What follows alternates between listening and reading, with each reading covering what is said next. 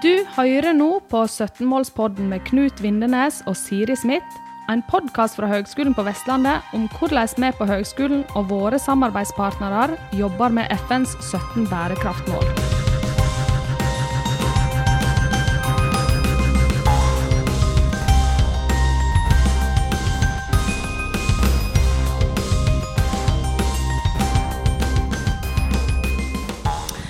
På standen vår på Aredalsuka så står vi rett ovenfor Den norske jordmorforening. Og eh, vi har jo eh, egen jordmorutdanning hos oss. Og så eh, fant vi ut Vi vil høre med dere òg hva dere tenker om dette spørsmålet vårt. Men først, hvem snakker vi med? Kari Åre, leder i Den norske jordmorforening. Hyggelig. Velkommen til oss. Så spørsmålet vårt er det Knut, du kan jo eh, stille. Ja, ja vi, vi, eh, snakker jo med mange her. Eh, mange aktører, mange spennende aktører på Arendalsuka. Og da er vi veldig interessert i nå å utforske hva er forventningen til akademia når det gjelder bærekraft. Hva, er, hva er, vil dere utfordre oss på, kanskje, eller hva er forventningen eh, som Jordmorforeningen har? Altså, En bærekraftig perspektiv fra akademia må jo være å, for vår del, da, eh, skape et godt grunnlag for en eh, offentlig helsesektor som er bærekraftig i fremtiden. Og da snakker vi om òg i forhold til at det skal være kunnskapsbasert, men òg at det skal være realistisk i forhold til de prioriteringene som samfunnet må gjøre. Eh, jeg bare lurer på, Er det et, er det et eh, nasjonalt perspektiv, eller tenker dere internasjonalt eh, også? Det er jo begge deler, men hvis vi tenker på nasjonalt perspektiv, så er det nå eh, en kloke valgkampanje som Legeforeningen står for, som vi òg er med, i. Og der må vi tenke bærekraft i forhold til eh, hvilke helsetjenester trenger eh, brukerne. For vår del er det jo de fødende og gravide. Og hva gjør vi for mye? Altså Vi må gjøre kloke valg, gjøre de riktige valgene når det gjelder helse, sånn at vi får en bærekraftig offentlig sektor men òg at vi får et bra helseperspektiv for befolkningen.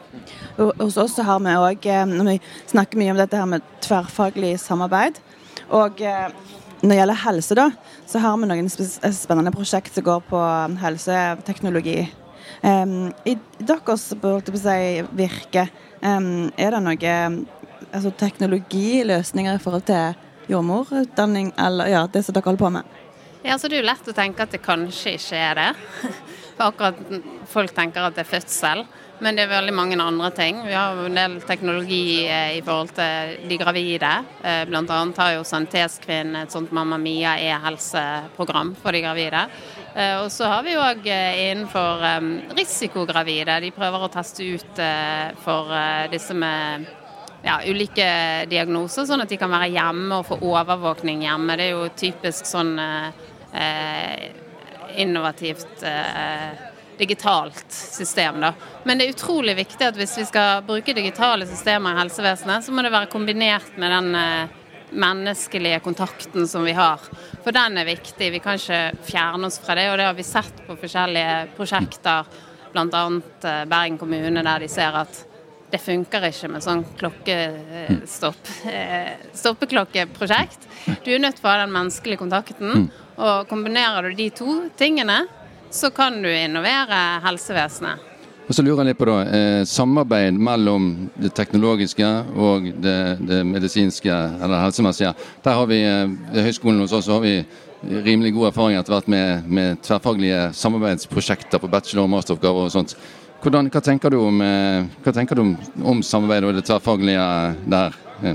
Jo, det er jo absolutt det som er veien å gå. Du har jo eh, Dina, eh, som er en sånn app i forhold til gravide med diabetes, som er utviklet av leger sammen med høyskolen og jordmødre. Og i brukbart perspektiv at når de har utviklet den, så har de hatt brukere med til å se på hva fungerer, hva spørsmål det jeg trenger å stille. Eh, og hvis du ikke har tverrfaglig samarbeid, så vil du ikke lykkes. Klarer dere å få eh, brukervennlige nok løsninger? Er det, altså det, det, er ikke alltid like lett eh, generelt sett å få det til. Treffer dere det? Ja, så jeg tror at Utfordringene der er jo selvfølgelig den teknologibiten. Det er nok det de har brukt mest energi på. Men de har fått lykkes, og det er veldig kjekt at det er, kommer fra helsepersonell. At de kan være kreative og komme på sånne løsninger. Og så trekke inn da, teknologien. Jeg tror ikke Du kan, altså du er nødt for å ha en sånn eh, campus der du er sammen om det. For en teknolog vil ikke skjønne alle utfordringene som vi har. Men vi vil ikke skjønne det teknologiske. Eh, så det tror jeg er lurt. Ja, det var et prosjekt eh, i eh, USA der eh, det var faktisk teknologer som utviklet en, eh, en eh, sånn kuvøse for nyfødte i afrikanske land. For de reiste ned og så på. Og det var ideer som helsepersonell ikke kom på. Men teknologene hadde ikke kommet på det hvis ikke de hadde reist ut og sett det.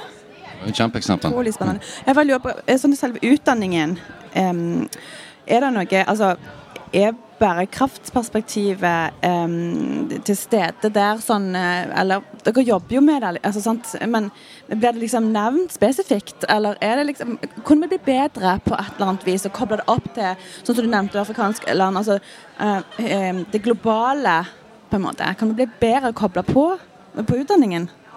Ja, det tror jeg, og spesielt det globale perspektivet. Så kan vi alltid bli bedre. Og det med å, å knytte sammen ulike seksjoner. Og, og, og det tror jeg òg at de unge studentene ønsker seg. Eh, og det der å ha sånn eh, campusdager der man eh, på høyskolen da, eh, benytter seg av de ulike miljøene for å utvikle ideer eh, i et sånt felles rom, eh, det tror jeg er veldig lurt. Så det å sitte fysisk sammen, det skal ikke undervurderes, skjønner jeg. Altså det, det fysiske er viktig og ut av en pandemi så er jo det noe, et, et viktig apropos. da, at ja, fysisk samarbeid, på en måte, skjønner jeg. Ja, altså jeg har tatt et studie på NHH som heter eh, Brytningstid, som er innovasjon. Eh, og da var vi i eh, San Francisco og så på hvordan de jobbet der med disse typer ideene. Og der hadde de typisk sånne rom eh, der de samarbeidet, og gule lapper på veggene og idémyldring. De ulike fagseksjonene sammen. Og det var utrolig spennende. Og de fikk jo bl.a. Eh, noe ut av det i forhold til nyfødte i afrikanske land. Ja. Utrolig spennende. Sånn her, avslutningsvis, Er det noe spesielt du vil si til Høgskolen på Vestlandet når det gjelder jordmorutdanning og, og, jordmorutdanning og eh, dette perspektivet her? Altså nå Høgskolen på Vestlandet har vært der og sett på de lo nye lokale de har, bl.a. i treningsarenaene. Eh, og det var veldig flott. Jeg håper at de bruker det veldig aktivt, at studentene får lov å bruke det. Mm. Eh, og at det blir en sånn veldig åpen arena der de får utforske disse tingene. For da kan du òg eh, trene mer på team, teamarbeid. Og, og, ja, så jeg tror Høgskolen på Vestlandet er i hvert fall på veldig god vei. Det er en moderne skole. Høres veldig bra ut. Så bra. Ja, tusen takk for at du ville komme her og snakke med oss. Veldig kjekt og nyttig, skjønte jeg. Ja. Ja, tusen takk. Ha en fin dag videre. Ja. ja, ha det bra. Du har nå hørt en podkast fra Høgskolen på Vestlandet. Du kan høre flere podkaster fra oss ved å gå inn på nettsiden hvl.no. slash podkast.